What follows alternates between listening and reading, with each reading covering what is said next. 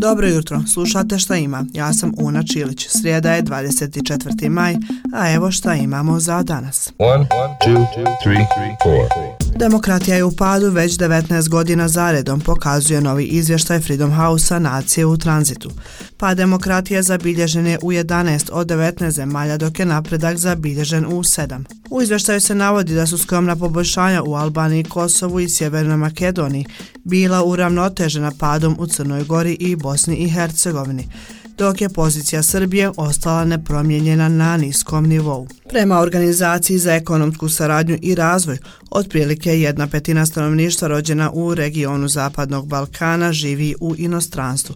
U izveštaju se navodi da imajući u vidu krizu povjerenja koju ovaj egzodus ilustruje, možda i ne iznenađuje da su demokratske institucije na Zapadnom Balkanu nastavile da posustaju u 2020. godini. A gdje se ovo posustajanje najviše ogleda u BiH?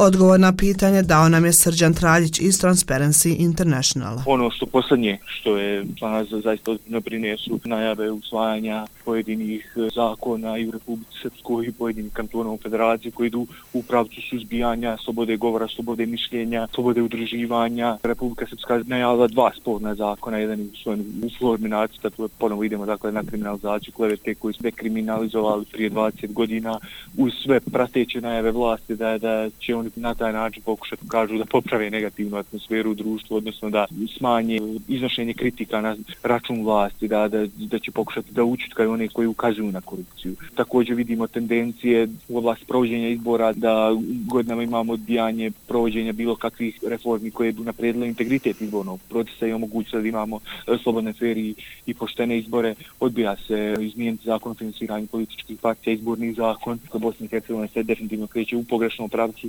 jedna je od tri najgore zemlje u Evropi kada je pitanje stanje korupcije. A danas je izgleda i dan sjednica. Pa će tako biti nastavak sjednice predstavničkog doma Parlamentarne skupštine BiH, zatim sjednica Visokog sudskog i tužilačkog vijeća, ali i sjednica predsjedništva BiH.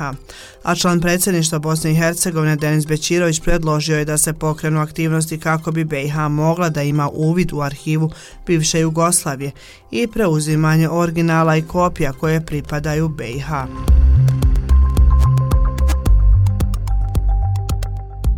Počinje i osmi forum EU strategije za Jadransko-Jonsku regiju i godišnji sastanak Vijeća Jadransko-Jonske inicijative na nivou ministara vanjskih poslova. Radi se o završnoj manifestaciji jednogodišnjeg predsjedavanja BiH Jadransko-Jonskom inicijativom koja završava 31. maja, nakon čega preuzima Hrvatska. A znate li šta zajedničko imaju Taylor Swift, Gabriel Garcia Marquez i osnivači Google-a? Svi su pohađali Montessori škole. Uticaj ovih škole na umjetnost i tehnologiju u Americi već odavno je primjećan, piše BBC, dok se u isto vrijeme pitaju da li je to najuticajnija škola na svijetu, čiji je ljubitelj bio čak i Mahatma Gandhi. Uglavnom, kako pišu u članku, djeca koja pohađaju ove škole češće imaju bolje razvijenu pismenost, sposobnost pričanja priča, ali i rad sa brojevima. No, sa druge strane kažu da je možda napredak u određenim poljima i povezan sa privilegovanim porijeklom učenika, jer većina ovih škola se plaća. No ipak, ne određuje samo bogatstvo roditelja gdje će djeca ići u školu. Ove škole postoje svuda u svijetu, pa tako i u Sarajevu. Eto, to je sve od mene za danas. Ja sam Una Čilića, vi ste slušali podcast Šta ima. Čujemo se neki drugi put. Ćao!